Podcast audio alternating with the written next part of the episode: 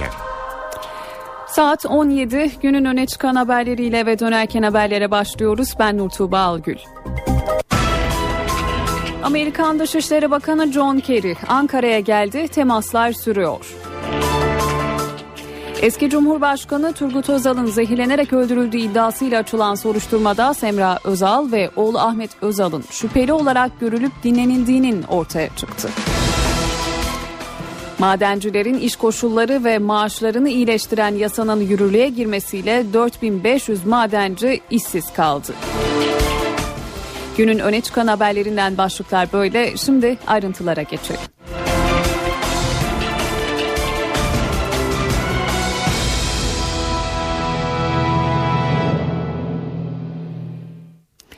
Amerika Birleşik Devletleri Başkanı Barack Obama'nın IŞİD'le mücadele stratejisini açıklamasının ardından Washington'dan Ankara'ya üst düzey ziyaretler sürüyor.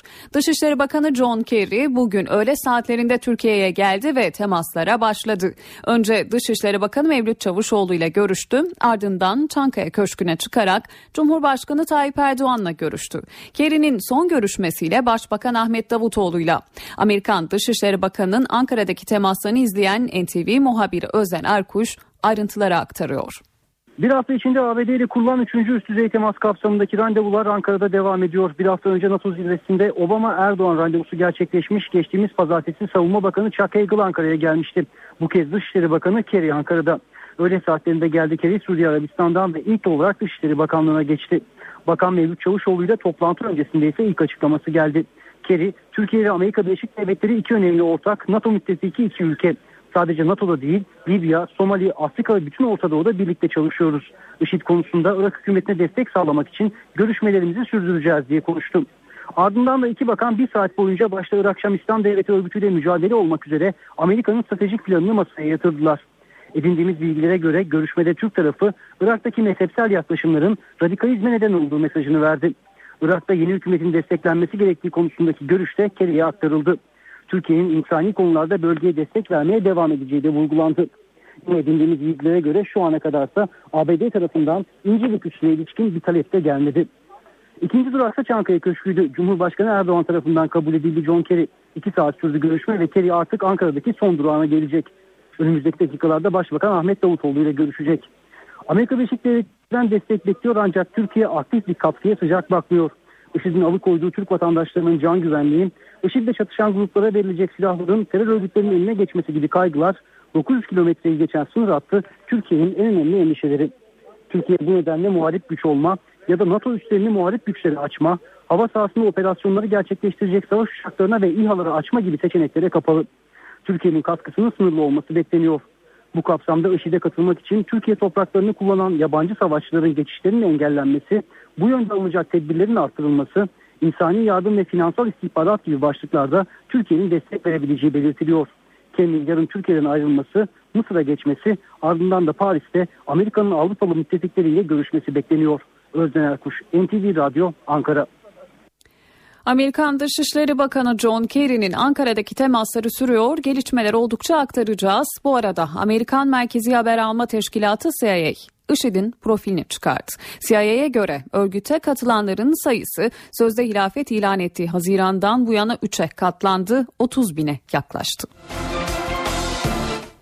Almanya uluslararası terörizmle mücadele kapsamında IŞİD'in her türlü faaliyetini yasakladı. Almanya'dan yaklaşık 400 kişinin Irak ve Suriye'ye gittiği, çoğunun IŞİD saflarına katıldığı belirtiliyor.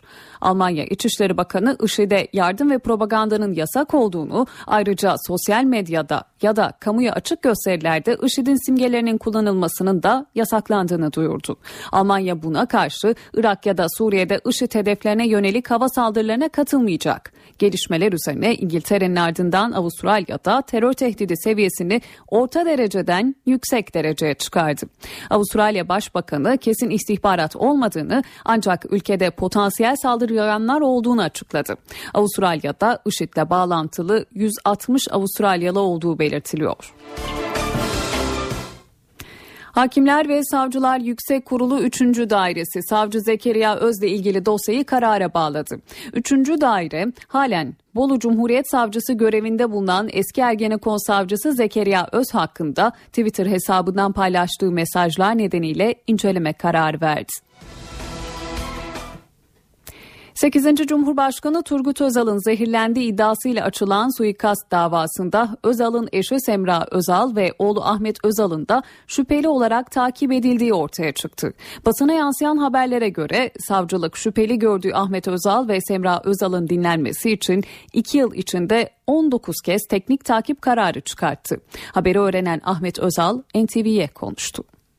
Söyleyecek kelime bulamıyorum açıkçası. Yani şok içerisindeyim. Savcının talebiyle 2 yıl teknik takip yapıldı, 19 kez telefonları dinlendi. 8. Cumhurbaşkanı Turgut Özal'ın oğlu Ahmet Özal şokta. Çünkü hem kendisinin hem de annesi Semra Özal'ın babasının ölümüyle ilgili yürütülen soruşturmada şüpheli oldukları ortaya çıktı. Kötü bir rüya gibi bir şey bu. Bu işin arkasında başka bir şey var. Bu sadece bu konuyu sulandırmak, bu konuyu başka yerlere çekmek, saptırmak. 8. Cumhurbaşkanı Turgut Özal'ın ölümüyle ilgili geçen yıl dava açıldı. Tek sanık emekli Tuğgeneral Levent Ersöz'dü. Dava devam ederken savcı soruşturmayı sürdürdü. İki gizli tanığın ifadelerini esas alan savcılık daha önce müşteki sıfatıyla ifade veren aile üyeleri Ahmet Özal ve Semra Özal hakkında bu kez şüpheli olarak tahkikat yaptı. Gerekçe ekonomik çıkar amaçlı örgüt kurmak ve kasten adam öldürme şüphesiydi. Ahmet Özal babamın ölümünün araştırılması için 20 yıldır uğraşan benim diye konuştu. Maddi menfaat temin etmek maksadıyla çete kurmak. Şimdi rahmetlinin öldüğünde iki tane evi vardı. Bu mu maddi menfaat sağlamak? Teknik takip kapsamında Semra Özal ve yardımcısı da defalarca dinlendi.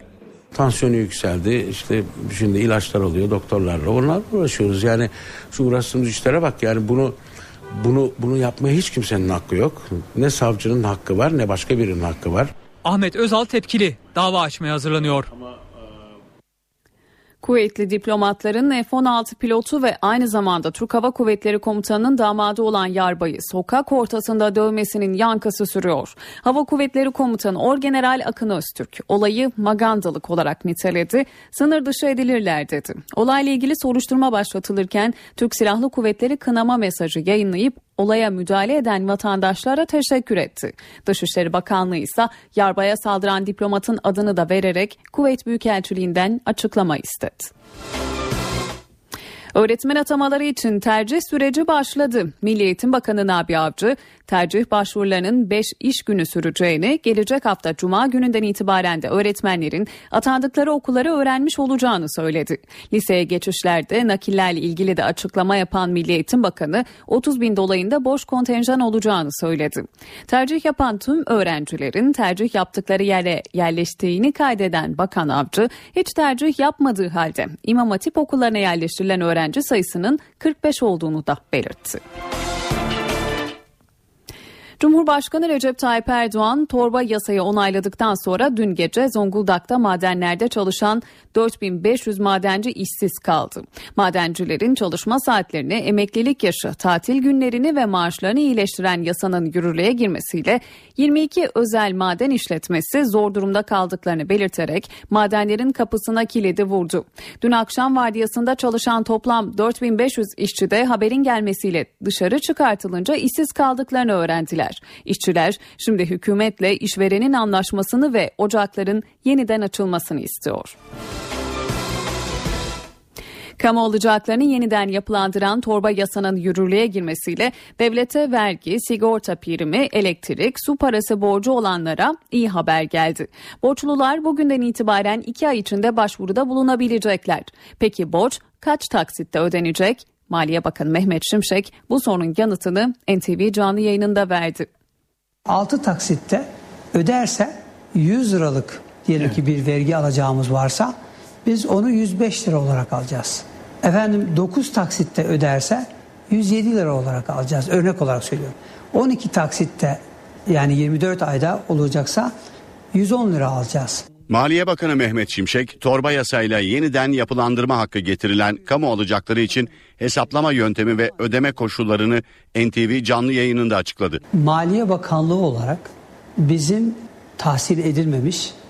Alacakların aslı 67 milyar lira. Sosyal Güvenlik Kurumu'nun yanlış hatırlamıyorsam 85 milyar lira alacağı var. 152 milyar liralık vergi ve prim alacağı için 6 taksitte ödemeyi tercih edenlere %1,05 oranında katsayı uygulanacak. Borcun yeniden hesaplanmasına temel oluşturan katsayı 9 taksitte %1,07, 18 taksitte ise %1,15 oranında olacak. Vergi borcu olanlar yapılandırma başvurusunu 1 Aralık'a kadar yapabilecek. Genel sağlık sigortası primi borcu olanların başvuru süresi bugünden itibaren 7 ay. Diğer prim borçları içinse 3 ay. Trafik, köprü ve otoyollardan usulsüz geçiş, oy kullanamama gibi cezalarda 120 liraya kadar olan borçlar siliniyor. Sigara cezalarına ise af yok. Maliye Bakanı Şimşek yapılandırmanın borcun aslını kapsamadığını vurguladı. Verginin aslını tahsil edeceğiz. Verginin cezasını da tahsil edeceğiz. Faiz noktasında enflasyon farkını alacağız. Eve dönerken haberleri şimdi kısa bir ara veriyoruz ardından devam edeceğiz. Eve dönerken devam ediyor. Saat 17.17 17 eve dönerken haberler devam ediyor. Piyasalarla sürdürüyoruz. Borsa İstanbul şu dakikalarda yaklaşık olarak 78 bin puan seviyelerinde dolar 2 lira 21 kuruş, euro 2 lira 85 kuruştan satılıyor. Eve dönerken haberlere kısa bir ara veriyoruz. NTV Radyo'nun yayını kısa bir aradan sonra muhabirden programıyla devam edecek.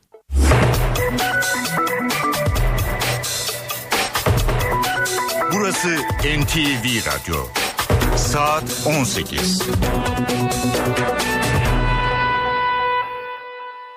İstanbul genelinde yol durumunu aktarıyoruz. Öncelikle köprü geçişlerine göz atalım. Fatih Sultan Mehmet Köprüsü'ne baktığımızda Avrupa'dan Anadolu'ya geçişlerde saat 17.58 itibariyle oldukça yoğun bir trafik var diyebiliriz. Tam İstoç yan yoldan başlayan trafik köprü çıkışında Kavacık'a kadar devam ediyor. Tam tersi istikamette ise Tem Çakmak'tan başlayan trafik köprü girişinde sona eriyor. Boğaziçi Köprüsü'nde ise yine oldukça yoğun bir trafik var. Tozkoparan'dan başlayan trafik köprü çıkışına kadar devam ediyor. Tam tersi istikamette Altunizade'den başlayan trafik köprü girişinde sona eriyor. Bir not aktaralım. Büyükdere Caddesi Maslak Hacı Osman yönünde bir trafik kazası var. Bir şerit trafiğe kapalı o bölgede oldukça yoğun bir trafiğin olduğunu söyleyebilmemiz mümkün. Saat 18 eve dönerken haberler devam ediyor. Amerikan Dışişleri Bakanı John Kerry, IŞİD'le mücadele operasyona destek arayışıyla Ankara'ya geldi. Çankaya Köşkü, Başbakanlık ve Dışişleri Bakanlığı'ndaki temasların ayrıntılarını birazdan Ankara'dan alacağız.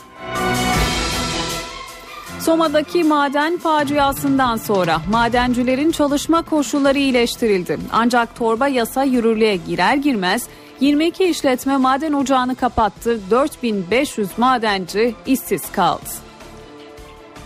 Maden faciası ve İstanbul'daki asansör faciasından sonra Başbakanın gündeminde iş güvenliği var. Bugün işçi ve işveren temsilcileriyle masaya oturan Başbakanın mesajlarını az sonra aktaracağız. Marmara'da beklenen deprem ne zaman, nerede, hangi şiddette olacak? Amerikalı uzmanlarla yapılan son araştırmaya göre depremin zamanı bilinemiyor ama yeri ve şiddetine ilişkin tahmin var. Öne çıkan haberlerden başlıklar böyle. Şimdi ayrıntılara geçelim.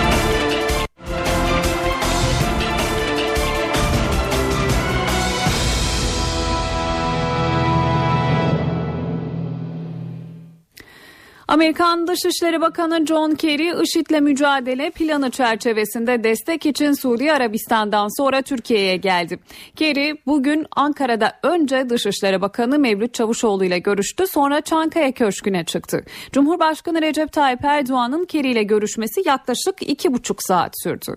Kerry şu sıralardaysa Başbakan Ahmet Davutoğlu ile görüşüyor. IŞİD'le mücadelede Kerry ne istiyor, Ankara ne diyor? Bugün bu temasları izleyen NTV muhabiri Deniz Kilislioğlu notlarıyla telefonda. Deniz, Keri'nin temaslarından ne çıktı açıklamalar sınırlı oldu ama kulislere yansıyan mesajlar ne yönde senden dinleyelim. Şimdi tabii bu görüşmeler tamamlandıktan sonra aslında daha perde arkası bilgileri alabileceğiz. Şu aşamada sadece genel prensipleriyle yaklaşım biliyoruz. Amerika Türkiye'nin bu koalisyona mümkün olan en yüksek katkıyı vermesini istiyor. Buna askerde dahil ama Türkiye'de belli çekincelerle belli noktalarda katkı vermek konusunda ısrarcı koalisyona. Şunu söyleyelim Türk e, hem Mevlüt Çavuşoğlu ile Dışişleri Bakanı ile görüştü senin de söylediğin gibi. Oradan çıkan bir not var. E, bugüne kadar yani bilgilendirme yapılmıştı o görüşmeden sonra insani yardım konularında Türkiye'nin katkı verebileceği şeklinde. E, bunun çerçevesi tabii önemli. İnsani yardım Türkiye'nin hep önem verdiği bir konu ama belki üslerin açılması bu anlamda insani yardımların ulaştırılması konusunda üslerin kullandırılması gündeme gelebilir. Bu masada Türkiye bu seçeneği dışlamıyor anladığımız kadarıyla yapılan bilgilendirmelerin sonucunda. Tabii şunu da söyleyelim Türkiye'nin bazı çekinceleri var 49 e, rehine hala Irak'ta dolayısıyla Türkiye herhangi bir adım atacakken öncelikle o kişilerin güvenliğini düşünmek zorunda. Dolayısıyla bir muharip güç olarak üstlerini açmak gündeminde yok ya da muharip güçlere üstlerini kullandırmak gündeminde yok. Zaten koalisyona muharip olarak katılma seçeneği de masada değil. Tabii e, Mevlüt Çavuşoğlu'yla Keri arasındaki görüşmede e, İncirlik için bugüne kadar herhangi bir talep gelmediğini, bugünkü görüşmede gelip gelmediği konusunda net bir bilgisi olmadığını söylediği yetkililer ama en azından Kerry'nin bugüne kadar olan bugüne kadar Amerikan yönetiminden e, herhangi bir incirliği kullanma konusunda talep gelmediğini de ifade etmiş olalım. E, Cumhurbaşkanı ile iki buçuk saat görüştü Erdoğan'la. Tabii e, üsleri sadece insani yardım için açmak Türkiye'nin gündeminde ama bir de sınır güvenliği konusunda daha yoğun işbirliği Amerika ile Türkiye arasında yapılabilir. Bu da seçenekler arasında. İstihbarat paylaşımı zaten Amerika ile özellikle de Amerika ve NATO ülkeleriyle son birkaç aydır son derece sıkı şekilde devam ediyordu. Türkiye'den sınır dışı edilen Avrupa ülkelerinin Türkiye'ye bildirdiği isimlerin geri iadesi gibi konularda birçok adım atılmıştı. E, bu işbirlikleri daha da geliştirilecek, istihbarat paylaşımı daha da güçlü bir şekilde yapılacak. Bu da başlıklardan biri Türkiye'nin gündeminde olan koalisyona kaskı anlamında ve son olarak lojistik bazı destekler verilebilmesi de yine gündemde olduğu belirtiliyor. Dolayısıyla Amerika ile Türkiye şu dakikalarda başbakanlıkta yapılan görüşmede de sıkı tüm gün olduğu gibi neler yapılabilir, Türkiye nasıl katkı verebilir bunu değerlendiriyor. Başbakanlıktaki görüşmenin de hala devam ettiğini söyleyelim. NTV muhabiri Deniz Kilislioğlu'na teşekkür edelim ve John Kerry'nin Ankara temaslarında gelişmeler oldukça aktaracağız diyelim. Amerikan Merkezi Haber Alma Teşkilatı CIA IŞİD'in profilini çıkardı. CIA'ya göre örgüte katılanların sayısı sözde hilafet ilan ettiği Haziran'dan bu yana 3'e katlandı, 30 bine yaklaştı. IŞİD'in Irak ve Suriye'de tahmin edilenden çok daha fazla militanı var. Bu tespit Amerikan Merkezi Haber Alma Teşkilatı CIA'ya ait. Şimdiye dek örgütün yaklaşık 10 bin militana sahip olduğu belirtiliyordu. CIA'nin son istihbarat bilgilerine dayanan yeni raporuna göre ise bu sayı şu anda 20 ila 30 bin arasında. Haziran ayı sonunda hilafet ilan eden örgütün saflarına yeni militanları kattı anlaşılıyor. Militan sayısının artışında örgütün kontrolü altına yeni bölgelerin girmesi etkili oldu. Suriye ve Irak'ta geniş toprakları kontrol eden, petrol kuyularını ele geçiren, büyük miktarda maddi kaynağı ve silaha sahip olan IŞİD, radikal militanlar için çekim merkezi haline geldi. IŞİD saflarındaki militanların önemli bir bölümü yabancı. IŞİD bünyesindeki yabancı militanların başını Tunus, Suudi Arabistan, Fas ve Çeçenistan'dan gidenler çekiyor. Ancak örgüte Batı Avrupa, Balkanlar, Kuzey Amerika ve Afrika'dan da katılım var. Uzmanlar örgütteki yabancı militanların son dönemde yönetimde de etkili olduklarına dikkat çekiyor. Fransa Cumhurbaşkanı Fransa Hollande haftaya Paris'te yapılacak IŞİD zirvesi öncesinde Irak'a gitti. Hollande, Bağdat'ta Iraklı mevkidaşı Fuat Masum ve yeni kurulan hükümetin başbakanı Haydar El İbadi ile görüştü. İbadi, görüşmenin ardından Hollande'ın Irak'taki IŞİD hedeflerine havadan vurma sözü verdiğini açıkladı. Bağdat'ın ardından Kuzey Irak'a Erbil'e geçen Oland, Kürt Yönetimi Başkanı Mesut Barzani ile de görüştü. Paris, pazar günü Irak'ta güvenlik ve barışın konuşulacağı uluslararası bir konferansa ev sahipliği yapacak. Konferansta Türkiye'yi Dışişleri Bakanı Mevlüt Çavuşoğlu temsil edecek. Almanya uluslararası terörizmle mücadele kapsamında IŞİD'in her türlü faaliyetini yasakladı. Almanya'dan yaklaşık 400 kişinin Irak ve Suriye'ye gittiği, çoğunun IŞİD saflarına katıldığı belirtiliyor. Almanya İçişleri Bakanı IŞİD'e yardım ve propagandanın yasak olduğunu, ayrıca sosyal medyaya ya da kamuya açık gösterilerde IŞİD'in simgelerinin kullanılmasının da yasaklandığını duyurdu. Almanya buna karşı Irak ya da Suriye'de IŞİD hedeflerine yönelik hava saldırılarına katılmayacak. Gelişmeler üzerine İngiltere'nin ardından Avustralya'da terör tehdidi seviyesini orta dereceden yüksek dereceye çıkardı. Avustralya Başbakanı kesin istihbarat olmadığını ancak ülkede potansiyel saldırganlar olduğunu açıkladı. Avustralya'da IŞİD'le bağlantılı 160 Avustralyalı olduğu belirtiliyor. NTV Radyo Başbakan Ahmet Davutoğlu Soma'daki maden faciası ve İstanbul'daki asansör faciasından sonra bugün Ankara'da işçi ve işveren temsilcileriyle masaya oturdu. Toplantıdan sonra açıklama yapan Davutoğlu ölümlü kazaların olduğu iş yerlerine verilen cezaların artırılacağını, hiç kazanın olmadığı iş yerlerine ise ödül verileceğini açıkladı. Bundan sonra yaptırımları artıracağız ama ödülü de artıracağız. Eğer o işverenin iş yerinde hiçbir kaza olmamışsa, iş kazası olmamışsa onların bu kesintileri, onlardan alınan kesintiler alınmayacak. Bir ödül mekanizması kuracağız. Ama eğer ölümcül bir kaza olmuşsa şimdiki cezalardan çok daha ağır cezalar gündeme gelecek. Denetimlerle kimin bu konuda tedbir aldığını, kimin almadığını ortaya koymamız lazım. Denetim elemanı gittiği yerde çay dahi içemez. Denetim toplumsal vicdan adına yapılır. 2012 yasasını ciddi bir şekilde okunursa İLO'nun birçok şartının orada yerine getirildiği aşikar. Ülkemizin geldiği yeri küçümsemeyelim. 176-177. maddelerle ilgili de zaten bu kazadan bağımsız olarak meclise sevk hazırlığı vardı. O da yarın sevk edilecek. Torba yasa Cumhurbaşkanı tarafından onaylandı. Maden işçilerinin çalışma koşulları ve maaşları bu yasa uyarınca iyileştirildi. Ancak Zonguldak'ta çalışan 4500 madenci yasanın faydasını göremedi. Çünkü dün akşam vardiyasında işsiz kaldıklarını öğrendiler. Zonguldak'ta 22 özel maden işletmesi torba yasa nedeniyle üretimi durdurdu. 4500 işçi işsiz kaldı. İşçi karaban çalış çalış bırak bırak öyle. Cumhurbaşkanı Recep Tayyip Erdoğan'ın onayladığı yasada madencilerin çalışma saatleri, emeklilik yaşı, maaş ve tatil günlerine yönelik düzenlemeler var. Ancak bu maddeler özel maden işletmelerinin tepkisini çekti. 22 işletme ortak kararla üretimi durdurdu. Bugün çıkan maden yasasından dolayı yönetim kurulumuz üretime ara vermiştir. Bu maden kanunu işverene ağır getiriler getirdiği için yönetim kurulumuz böyle bir karar almıştır. Bir an önce bu çözüme kavuşturulup tekrar e, işçi arkadaşlarımızın işlerine kavuşmasını istiyoruz. Gece vardiyasından çıkan işçiler evlerine işsiz olarak döndü. İşsiz kaldık. Şimdi arkadaşlar hepsi de mağdur. Bilmiyorum ne olur. Hani bu böyle olması, olmaması gereken bir olay ama diyecek başka bir şey işten çıktık. Bizim böyle bir anda haberimiz oldu. İşçiler hükümetle işveren arasındaki sorunun giderilmesini ve ocakların yeniden çalışmasını istiyor. Torba yasa yürürlüğe girdi. Devlete vergi, sigorta primi, elektrik, su parası borcu olanlar için yeniden yapılandırma dönemi başladı. Borçlular iki ay içinde başvuruda bulunacak. Ayrıntıları Maliye Bakanı Mehmet Şimşek NTV canlı yayınında açıkladı. 6 taksitte öderse 100 liralık diyelim evet. ki bir vergi alacağımız varsa biz onu 105 lira olarak alacağız. Efendim 9 taksitte öderse 107 lira olarak alacağız. Örnek olarak söylüyorum.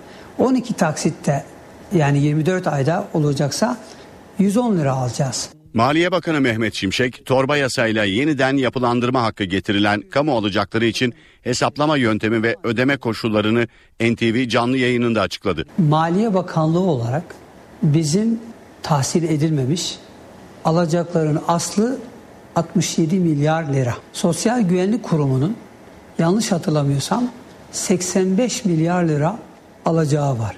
152 milyar liralık vergi ve prim alacağı için 6 taksitte ödemeyi tercih edenlere %1,05 oranında katsayı uygulanacak. Borcun yeniden hesaplanmasına temel oluşturan katsayı 9 taksitte %1,07, 18 taksitte ise %1,15 oranında olacak. Vergi borcu olanlar yapılandırma başvurusunu 1 Aralık'a kadar yapabilecek. Genel sağlık sigortası primi borcu olanların başvuru süresi bugünden itibaren 7 ay. Diğer prim borçları içinse 3 ay. Trafik, köprü ve otoyollardan usulsüz geçiş, oy kullanamama gibi cezalarda 120 liraya kadar olan borçlar siliniyor. Sigara cezalarına ise af yok. Maliye Bakanı Şimşek yapılandırmanın borcun aslını kapsamadığını vurguladı. Verginin aslını tahsil edeceğiz. Verginin cezasını da tahsil edeceğiz. Faiz noktasında enflasyon farkını alacağız. Öğretmen atamaları için tercih süreci başladı. Bugünden itibaren 5 iş günü içinde tercihlerin yapılması gerekiyor. Milli Eğitim Bakanı Nabi Avcı haftaya Cuma günden itibaren öğretmenlerin hangi okula atandığını öğrenmiş olacağını açıkladı. Merakla beklenen öğretmen atamaları için düğmeye basıldı. Resmi gazetede yayınlandıktan sonra 5 iş günü boyunca e, adaylardan tercih almamız gerekiyor. Açıkladığımız liste üzerinden adaylar tercihlerini yapacaklar. Önümüzdeki perşembe akşamı bu iş tamamlanmış olacak tercihler. E, Cuma gününden itibaren de herkes hangi okula atandığını, nereye atandığını öğrenmiş olacak. Torba yasanın yürürlüğe girmesiyle 40 bin öğretmen ataması yapılacak. Bakan Avcı 109 branştan atama yapacaklarını söyledi. Anadolu Ajansı editör masasına konuk olan Milli Eğitim Bakanı Nabi Avcı, temel eğitimden orta öğretime geçiş sınavı sonucu yapılacak nakillerle ilgili de bilgi verdi. Avcı 30 bin dolayında boş kontenjan olacağını söyledi. Bakan Avcı TEOK sisteminde tercih etmediği halde İmam Hatip okullarına yerleştirilenlerin sayısının 45 olduğunu da açıkladı. Eve dönerken haberleri kısa bir ara veriyoruz. Ardından gelişmeleri aktarmaya devam edeceğiz. Eve dönerken devam ediyor. Saat 18.18 eve dönerken haberler devam ediyor. Beklenen Marmara depremi nerede, ne zaman, ne şiddette olacak? Uzmanlar bu sorunun cevabı için çalışmalarını sürdürüyor. Amerikalı uzmanlarla son yapılan çalışmaya göre depremin ne zaman olacağı bilinmiyor ama yerine ve şiddetine ilişkin bir tahmin var. Jeodezi uzmanı Profesör Semih Ergin Tavla konuştuk. Adalar civarında eğer en son olan bir depremi 1766 depremi olarak alırsak bu kadar büyük bir değer tek bir depremde de açığa çıkabilir birden fazla depremde de açığa çıkabilir. Beklenen Marmara depreminin adaların 3 kilometre uzağında 7 ve üzeri şiddetli olması bekleniyor. ABD merkezli Massachusetts Teknoloji Enstitüsü ile Kandilli Rasathanesi'nden uzmanların yürüttüğü çalışmada 20 yıllık veriler güncellendi. Kritik iki bölge var. Adalar açıkları ve Tekirdağ. 7 büyüklüğünde bir deprem bizim için burada sürpriz olmaz. Ama şanslıysak bu birden fazla daha küçük depremde e, buradaki birikimin açığa çıkması neden olabilir. Çalışmalar tehlike haritası çıkartmak için depremin ne zaman olacağına ilişkin kesin bir veri ise bulunmuyor. Tabii ki bu deprem hemen yarın da olabilir, önümüzdeki 10 yıllar boyunca da olabilir. Orada zaman faktörü biraz farklı. Hakimler Savcılar Yüksek Kurulu Bolu Savcısı Zekeriya Öz hakkında inceleme başlattı. İnceleme gerekçesi Öz'ün sosyal medyada Cumhurbaşkanı Tayyip Erdoğan'a karşı yazdığı mesajlar. Cumhurbaşkanı Erdoğan bu mesajların hakaret içerdiği gerekçesiyle HSYK'ya şikayette bulunmuştu. Hakimler Savcılar Yüksek Kurulu 3. Dairesi de Savcı Öz hakkında inceleme kararı aldı. İnceleme Adalet Bakanı'nın onayının ardından başlayacak. Ayrıca Ergenekon davası savcılarından Sakarya Savcısı Cihan Orhan Kansız hakkında da soruşturma kararı verildi. 8. Cumhurbaşkanı Turgut Özal'ın zehirlendiği iddiasıyla açılan suikast davasında Özal'ın eşi Semra Özal ve oğlu Ahmet Özal'ın da şüpheli olarak takip edildiği ortaya çıktı. Basına yansıyan haberlere göre savcılık şüpheli gördüğü Ahmet Özal ve Semra Özal'ın dinlenmesi için 2 yıl içinde 19 kez teknik takip kararı çıkardı. Haberi öğrenen Ahmet Özal NTV'ye konuştu söyleyecek kelime bulamıyorum açıkçası. Yani şok içerisindeyim. Savcının talebiyle 2 yıl teknik takip yapıldı, 19 kez telefonları dinlendi. 8. Cumhurbaşkanı Turgut Özal'ın oğlu Ahmet Özal şokta. Çünkü hem kendisinin hem de annesi Semra Özal'ın babasının ölümüyle ilgili yürütülen soruşturmada şüpheli oldukları ortaya çıktı. Kötü bir rüya gibi bir şey bu. Bu işin arkasında başka bir şey var. Bu sadece bu konuyu sulandırmak, bu konuyu başka yerlere çekmek, saptırmak. 8. Cumhurbaşkanı Turgut Özal'ın ölümüyle ilgili geçen yıl dava açıldı. Tek sanık emekli Tuğgeneral Levent Ersöz'dü. Dava devam ederken savcı soruşturmayı sürdürdü. İki gizli tanığın ifadelerini esas alan savcılık daha önce müşteki sıfatıyla ifade veren aile üyeleri, Ahmet Özal ve Semra Özal hakkında bu kez şüpheli olarak tahkikat yaptı. Gerekçe ekonomik çıkar amaçlı örgüt kurmak ve kasten adam öldürme şüphesiydi. Ahmet Özal babamın ölümünün araştırılması için 20 yıldır uğraşan benim diye konuştu. Maddi menfaat temin etmek maksadıyla çete kurmak. Şimdi rahmetlinin öldüğünde iki tane evi vardı. Bu mu maddi menfaat sağlamak? Teknik takip kapsamında Semra Özal ve yardımcısı da defalarca dinlendi. Tansiyonu yükseldi. İşte şimdi ilaçlar oluyor doktorlarla. Onlarla uğraşıyoruz. Yani şu uğraştığımız işlere bak yani bunu bunu bunu yapmaya hiç kimsenin hakkı yok. Ne savcının hakkı var ne başka birinin hakkı var. Ahmet Özal tepkili. Dava açmaya hazırlanıyor. Kuvvetli diplomatların F-16 pilotu ve aynı zamanda Türk Hava Kuvvetleri Komutanı'nın damadı olan Yarbay'ı sokak ortasında dövmesinin yankısı sürüyor. Hava Kuvvetleri Komutanı Orgeneral Akın Öztürk olayı magandalık olarak niteledi, sınır dışı edilirler dedi. Hava Kuvvetleri Komutanı Orgeneral Akın Öztürk'ün damadı Ankara'da kuvvetli diplomatlar tarafından dövüldü. Dışişleri Bakanlığı elçilik yetkililerini Dışişleri Bakanlığı'na çağırarak izahat istedi. Hava Kuvvetleri Komutanı herhalde sınır dışı edilirler dedi. Olay önceki gün Ankara'da yaşandı. NATO'da görevli pilot Yarbay Hakan Karakuş, eşi ve yeni doğan bebeğiyle birlikteydi. Trafikte Kuveyt elçiliği görevlileriyle tartıştı. Tartışma kavgaya dönüştü. Elçilik görevlileri Karakuş'u dövdü. Çevredekiler müdahale etti. Elçilik görevlileri bir banka şubesine sığındı. Yaralanan pilot hastaneye kaldırıldı.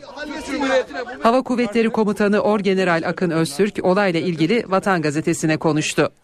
Oradaki insanlar müdahale etmese şu anda belki de çok daha büyük bir acı yaşıyor olacaktık. Bunun adı diplomatik dokunulmazlık zırhını kullanıp işi magandalığa çevirmekten başka bir şey değil. Herhalde gereği yapılır. Sınır dışı edilmelerine kadar varır bu işin sonu. Kuveyt elçiliği diplomatın pilot Yarbay Karakuş'a dokunmadığı, kanıtları olduğu yönünde açıklama yaptı. Dışişleri Bakanlığı da elçilik yetkililerinden bilgi alındığını açıkladı. Açıklamada emniyet ve adli makamlar araştırıyor. Sonuca göre gerekli girişimleri yapacağız denildi. Türk Silahlı Kuvvetleri de bir subayımıza yapılan menfur saldırıyı şiddetle kınıyor. Vatandaşlarımızın gösterdiği hassasiyete teşekkür ediyor. Personelimize acil şifalar diliyoruz açıklaması yaptı. İstanbul polisi bu sabah Sultan Gazi'de DHKPC'ye yönelik operasyon düzenledi. Terörle mücadele, kaçakçılık ve organize suçlarla mücadele ekipleri Gazi Mahallesi'nde önceden belirlenen adreslere baskın yaptı. Özel harekat, çevik kuvvet ekipleri ve polis helikopterinin de destek verdiği operasyonda 15 kişi gözaltına alındı. Operasyonun ardından Gazi Mahallesi'nde gerilim sürüyor. Protesto gösterilerine polis yer yer müdahale ediyor.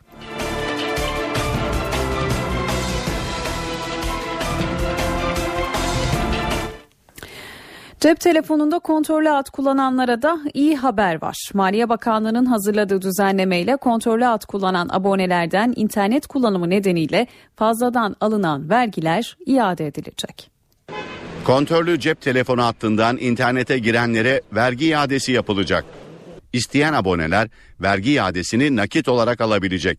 İsteyen abone ise hattına yeni yükleme yaptırabilecek. Gelir İdaresi Başkanlığı 14 milyon kontörlü hat abonesine internet kullanımından kaynaklı olarak alınan fazla vergilerin iade edilmesi için tebliğ hazırladı. Tebliğ bu haliyle yürürlüğe girerse kontörlü cep telefonundan internete girenlerden alınan özel iletişim vergisi abonelere geri verilmesi şartıyla cep telefonu şirketlerine iade edilecek. Şirketler abonelerin hatlarına yaptıkları yüklemeler üzerinden %25 oranında özel iletişim vergisi hesaplamaya devam edecek. Kontörün internete bağlanmak için kullanılan bölümüne özel iletişim vergisi oranı %5 olacak. Vergi oranı arasındaki fark 3'er aylık dönemlerde hesaplanarak izleyen ayın sonunda aboneye ödenecek. Aboneler vergi iadesini nakit olarak talep edebilecek. Aboneler iadeyi hatlarına yükleme yapılarak da alabilecek. Hattın kapatılması veya operatör değiştirme durumunda vergi iadesi nakit olarak yapılacak. Yalova'da susuzluğa çare olarak çevreden su takviyesi yapılmıştı. Şimdi de pompalama yöntemi devreye sokuldu. Gölün tabanında bulunan su pompayla şebekeye aktarılacak. Böylece kente 10 günlük su sağlanması amaçlanıyor. Göl tabanındaki 10 günlük su da şebekeye aktarılıyor. Kuraklık nedeniyle su kesintilerinin yaşandığı Yalova'da çözüm için birçok yol kullanılıyor. Önce Kurtköy Deresi'nden Gökçe Barajı'na hat döşendi. Ardından da Bursa Büyükşehir Belediyesi tarafından bir pompa gönderildi. Vinçle baraja indirilen bu pompa zeminde bulunan suyu şebekeye aktaracak. Böylece 10 günlük daha su sağlanacak. Yaklaşık 3 veya 4 tane bir pompa yerleştirip 4-5 saat içinde e, ishale attığımızda buradan su vermeye başlayabileceğiz. Kendi arıtma tesisimize gidecek olan suyu biz e, şebekelere vereceğiz. Üçüncü aşamada ise Ortaburun Göleti ile baraj arasında bağlantı kurulacak. Göletteki suyun Yalova'ya 2 ay yeteceği belirtiliyor. Kurban Bayramı'na doğru hayvan pazarları hareketlendi. Doğu Anadolu'dan yola çıkan besiciler kurbanlık hayvanları taşıyor. Fiyatların geçen yıla göre daha yüksek olması bekleniyor. Bayrama 3 hafta kala kurbanlıklar pazara çıktı. Erzurum'da alıcı ve besiciler arasında sıkı pazarlıklar başladı. 150 o zaman bunu 820 yapalım. Şu anda tam olarak hareketleme başladı. Bu yıl geçen yıla göre piyasa biraz pahalı sayılıyor. Şu anda Erzurum'da batı illerimize günde en az da 10-15 araba en az da akın gidiyor. Diyarbakır'daki kurban pazarı da sezonun en hareketli günlerini yaşıyor. Alıcılar fiyatın yüksekliğinden, besicilerse ucuzluğundan yakınıyor. Fiyatlarımız uygun 250, 300, 260, 70 o civarları. Bayrama bir 5 gün 10 gün kala pahalı olacaklar. Bayramda 300-350 milyon olacak fazla olacak yani. Bayram öncesi hayvan satıcılarının yoğun mesaisi de başladı. Kurbanlıklarını satmak için Ardahan'dan kilometrelerce uzağa giden besiciler kurban pazarlarındaki yerini aldı. Biz Ardahan'dan 2000 kilometre yol tırla hayvanın içinde, yarı içinde, yarı tırda çok zahmetli bir şekilde geldik buraya. Nasip olursa hayvanımızı satarsak bir daha döneceğiz Ardahan'a bir daha aynı bu işle uğraşacağız. Bir daha alacağız, bir daha hazırlayacağız. Kurban fiyatları geçen yıla göre pahalı. Küçükbaş hayvan fiyatı 700 ile 900 lira arasında, büyükbaş hayvan fiyatı ise 3000 ile 9000 lira arasında olacak. Bal antibiyotiğe alternatif olabilir mi? İsveçli bilim adamlarına göre bal arılarının midesinde bulunan bir bakteri antibiyotik özelliklerine sahip ve aynı bakteri balın özünde de bulunuyor. Birçok faydası bulunduğu belirtilen balla ilgili olarak İsveçli bilim adamlarından yeni bir buluş geldi. Lund Üniversitesi'nden uzmanlar bal arılarının midesinde bulunan bir bakterinin tedavi edici özelliği olduğunu saptadı. Marketlerden satın alınan bu bakteriler ölmüş durumda. Biz bu bakterileri yeniden bala katıyoruz. Daha sonra bunu bir tedavi olarak kullanıyoruz. Bal arılarının midesindeki bir bakterinin özellikle antibiyotiklere karşı dirençli olduğu bilinen MRSA bakterisiyle mücadelede kullanılabileceği düşünülüyor. Bu bakteri balın özünde de bulunuyor. İnsan yapımı antibiyotiklere oranla bu bakterinin içerdiği geniş aktif maddelerin daha kuvvetli bir etki yarattığı saptandı. Üstelik bu bakteri antibiyotiğe dirençli mikropların tedavisinde de olumlu sonuç verebiliyor. Ancak tedavi şimdilik sadece atlar üzerinde denendi. Söz konusu yöntemin insanlar üzerinde uygulanması için uzun bir araştırma sürecine ihtiyaç duyuluyor. Saat 18.30 eve dönerken haberler devam ediyor. Öne çıkan haberlerin özetlerini aktaralım. Amerikan Dışişleri Bakanı John Kerry, IŞİD'le mücadele operasyona destek arayışıyla Ankara'ya geldi. Kerry'nin Cumhurbaşkanı Tayyip Erdoğan'a görüşmesi yaklaşık iki buçuk saat sürdü. Görüşmeye ilişkin Cumhurbaşkanlığı kaynakları iki ülkenin bölgedeki tüm terör örgütlerine karşı bugüne kadar yaptığı gibi bundan sonraki süreçte de ortak mücadeleyi sürdüreceğini açıkladı. İki ülkenin ortak mücadele çerçevesinde istihbarat paylaşımı, Suriye muhalefetine lojistik destek ve insani yardımın devam etmesi konularının bir kez daha teyit edildiği belirtildi.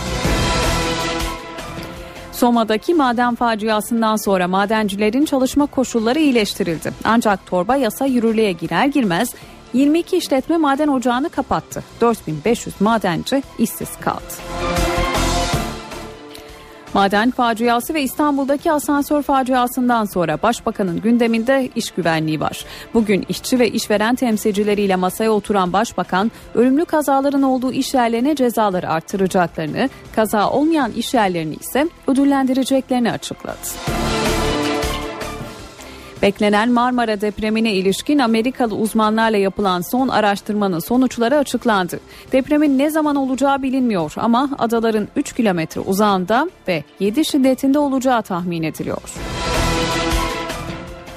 Hakimler ve Savcılar Yüksek Kurulu 3. Dairesi Savcı Zekeriya Öz hakkında Cumhurbaşkanı'na hakaret olarak nitelenen Twitter mesajları nedeniyle inceleme başlattı. Benzin fiyatında 8 kuruş indirim yapıldı. Sektör kaynaklarının verdiği bilgiye göre indirim gece yarısı geçerli olacak. Eve dönerken haberler devam ediyor. NTV Radyo Cumhurbaşkanı Recep Tayyip Erdoğan'ın 18 Eylül'de TÜSİAD'ın Yüksek İstişare Konseyi toplantısına katılacağı açıklandı. Haberi TÜSİAD Başkanı Haluk Dinçer, Başbakan Ahmet Davutoğlu ile yaptıkları görüşmenin ardından verdi. Sayın Başbakanımızı da davet ettik. Tabii biraz kısa önümüzdeki hafta olması hasebiyle davet ettik. Genel kurulumuz var daha sonra ona da davet ettik. Hangisi uygun olursa kendileri memnuniyetle katılacaklarını ifade ettiler. Hükümet programı ile ilgili kendisiyle görüşlerimizi paylaştık. Oldukça yüksek oranda uyum içindedir görüşlerimiz hükümet programıyla. Ekonomik alandaki reformlar zaten şu anda parlamentoya intikal etmiş. Ancak yoğun gündeminde parlamentonun henüz gündeme alınmamış konulardır. Siyasi reformlarda zaten sıkça basında gördüğünüz temel hak ve özgürlüklerle ilgili konulardır. Burada doğal olarak güvenlikle, ulusal güvenlikle özgürlükler arasında hükümet bir yol izliyor. Bu konudaki kendi görüşlerimizi paylaştık. Merkez Bankası'nın faiz kararları ile ilgili hem Ekonomi Bakanı'ndan hem de Maliye Bakanı'ndan açıklama var. Ekonomi Bakanı Zeybekçi faizlerin düşürülmesi gerektiğini söylerken Maliye Bakanı Şimşek Merkez Bankası hakkındaki tartışmaları doğru bulmadığını belirtti. Çok sert biz bir faizlerden indirim yapsak vatandaşlar Türk lirası yerine dövize dönerler. Yurt dışı e, yatırımcılar da benzer şekilde davranabilirler ve dolayısıyla orada bir arzu edilmeyen enflasyon üzerine arttırıcı etki olabilir. Merkez Bankası faizde neden sert indirime gitmediklerini dün bu sözlerle açıkladı. Bugün de ekonomi yönetiminden faizler konusunda farklı açıklamalar geldi. Ekonomi Bakanı Nihat Zeybekçi faizlerin seviyesi için normal değil dedi. Merkez Bankası'nın faiz politikalarını tartışırken tabii ki bu sanki hükümet içinde iki farklı görüş varmış veya iki farklı algılama varmış gibi de algılanmasından da biz endişe duyuyoruz. Bu normal bir faiz değildir. Bu faizle kimse yatırım yapmaz. Maliye Bakanı Mehmet Şimşek de NTV yayınında Merkez Bankası tartışmalarının faydalı olmadığını savundu. Merkez Bankamız bağımsızdır. Enflasyonla mücadelede başarı için Merkez Bankası'nın itibarının korunması, kredibilitenin artırılması Türkiye için olmazsa olmazdır. Merkez Bankası'na ilişkin tartışmaları ben çok faydalı bulmuyorum. Ve piyasalar Borsa İstanbul günü 1145 puan kayıpla 77.820 puandan tamamladı. Dolar 2 lira 21 kuruş, Euro 2 lira 85 kuruştan alıcı buldu. Eve dönerken haberleri kısa bir ara veriyoruz ardından devam edeceğiz. Eve dönerken devam ediyor. Saat 18.40 eve dönerken haberlere spor bülteniyle devam ediyoruz. Spor haberleri başlıyor.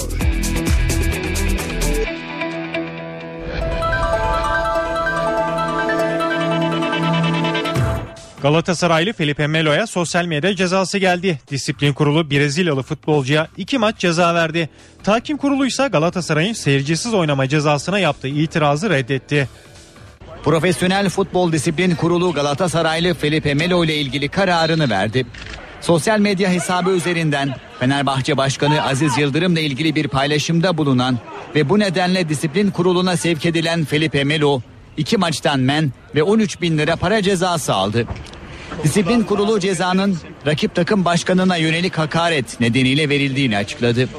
Tahkim kurulu da Galatasaray'ın bir maç seyircisiz oynama cezasına yaptığı itirazı reddetti.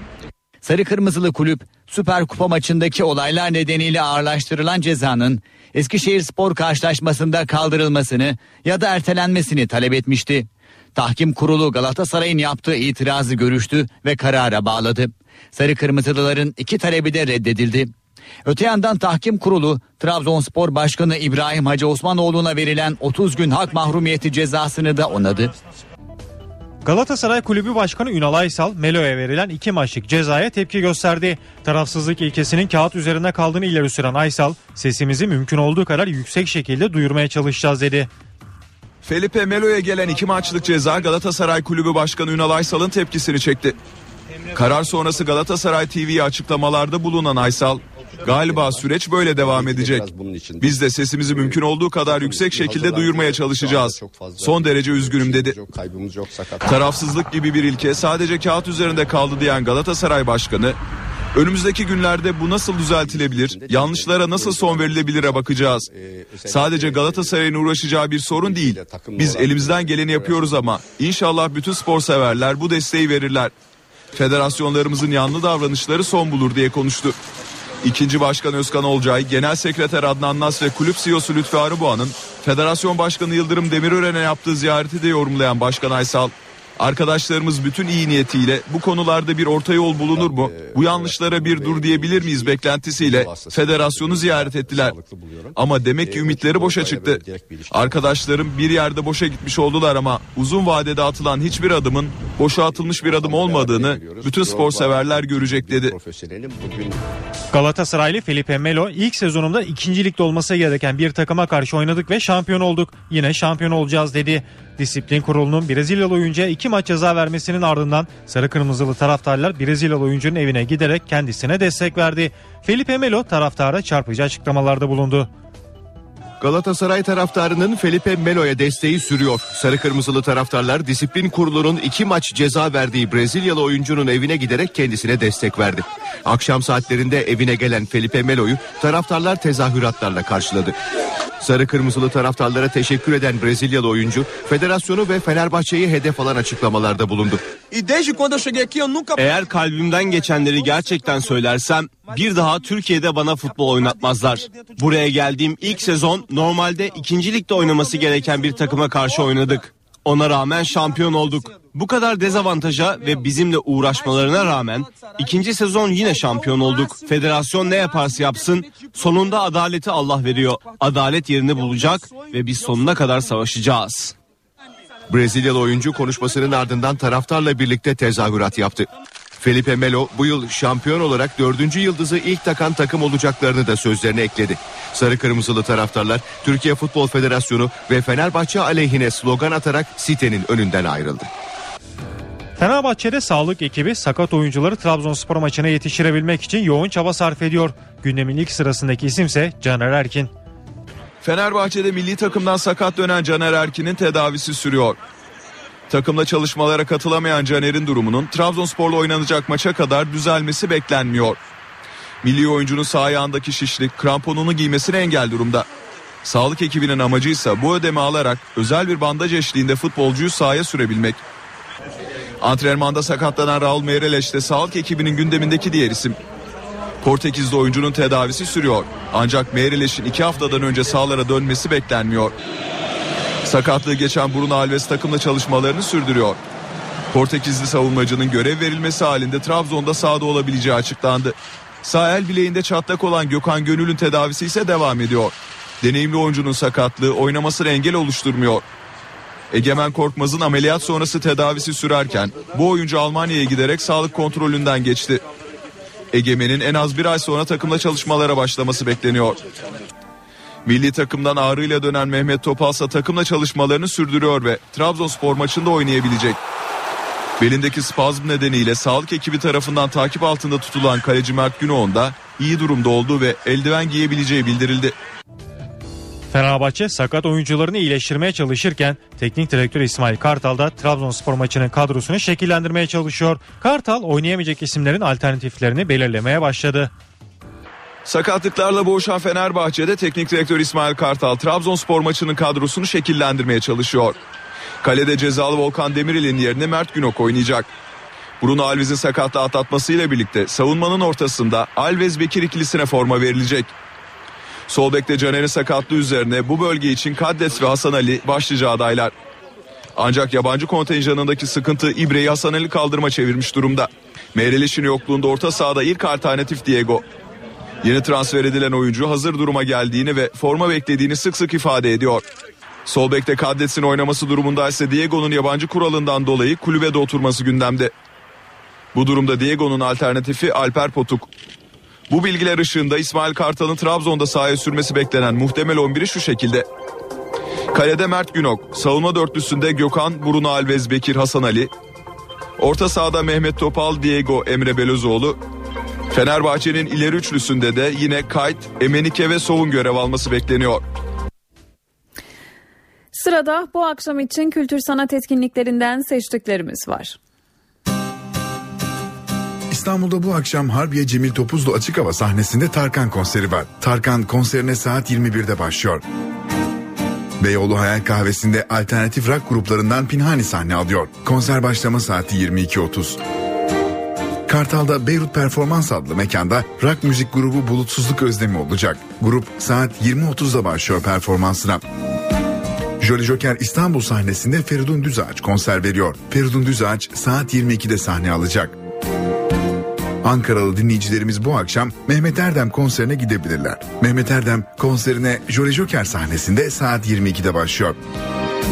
Ankara'da açılan bir sergi önerimiz de olacak. Salt Ulus'ta eserlerinde kırsalı inceleyen sanatçıların çalışmalarını bir araya getiren Köklere Dönüş adlı sergi var. Sergide güncel halk sanatı ele alınıyor. Sergi 1 Kasım'a kadar açık. Sakarya'da bu akşam Aşkın ve Tutkunun müziği tango Oko Kuartet ve Kırkpınar Açık Hava Tiyatrosu'nda olacak. Başlama saati 21.30. Akşam evde olacaksanız CNBC'de saat 21'de Arrow, saat 22'de The Last Ship adlı dizi izlenebilir. Star TV'de ise saat 20.30'da yeni bölümüyle Medcezir ekranda olacak. Eve dönerken haberleri kısa bir ara veriyoruz. Reklamlardan sonra NTV Meteoroloji Editörü Gökhan Abur'dan hava durumu ve işten güçten haberler var.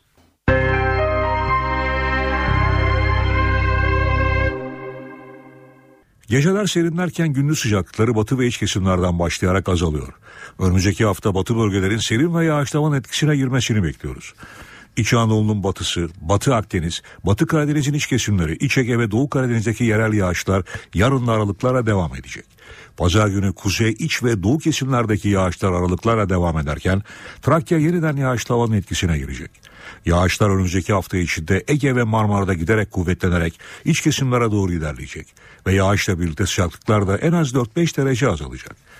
İstanbul'da yarın hava parçalı bulut sıcaklık ise 28 derece olacak. Pazar günü hava daha da bulutlanıyor.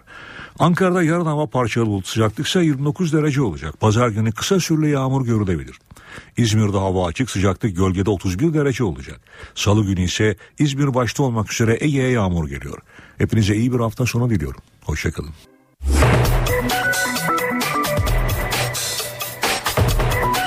Burası NTV Radyo. Saat 19.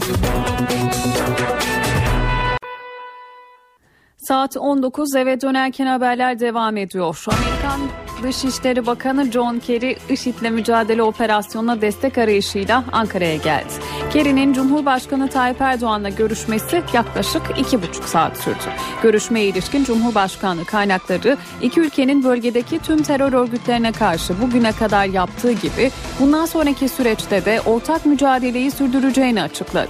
İki ülkenin ortak mücadele çerçevesinde istihbarat paylaşımı, Suriye muhalefetine lojistik destek ve insani yardımın devam etmesi konularının bir kez daha teyit edildiği belirtildi.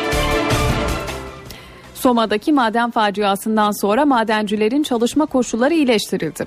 Ancak torba yasa yürürlüğe girer girmez 22 işletme maden ocağını kapattı. 4500 madenci işsiz kaldı.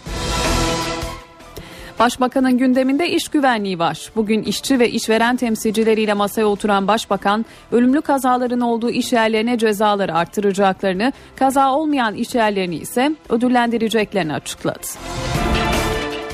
Torba yasa yürürlüğe girdi. Vergi borcu olanlar yapılandırma başvurusunu bir aralığa kadar yapabilecek. Genel sağlık sigortası primi borcu olanların başvuru süresi bugünden itibaren 7 ay. Diğer prim borçları içinse 3 ay. Trafik, köprü ve otoyollardan usulsüz geçiş, oy kullanmama gibi nedenlerle 120 liraya kadar olan para cezaları silindi. Sigara cezalarına ise af yok. Hakimler ve Savcılar Yüksek Kurulu 3. Dairesi Savcı Zekeriya Öz hakkında Cumhurbaşkanı'na hakaret olarak nitelenen Twitter mesajları nedeniyle inceleme başlattı. 8. Cumhurbaşkanı Turgut Özal'ın zehirlendiği iddiasıyla açılan suikast davasında Özal'ın eşi Semra Özal ve oğlu Ahmet Özal'ın da şüpheli olarak takip edildiği ortaya çıktı. Basına yansıyan haberlere göre savcılık şüpheli gördüğü Ahmet Özal ve Semra Özal'ın dinlenmesi için 2 yıl içinde 19 kez teknik takip kararı çıkarttı. Sosyal Güvenlik Kurumu şehit ve gazi çocuklarına yapılacak eğitim yardımı için bu yılki tutarları belirledi. Buna göre ilk öğretim öğrencisi şehit ve gazi çocuklarına 1155 lira, lise öğrencilerine 1732 lira, yüksekokul öğrencilerine ise 2310 lira ödenecek. Yardım alabilecek durumdakilerin öğrenci belgelerini 31 Aralık'a kadar Sosyal Güvenlik Kurumu'na göndermesi gerekiyor. Benzin fiyatında 8 kuruş indirim yapıldı. Sektör kaynaklarının verdiği bilgiye göre indirim gece yarısı geçerli olacak.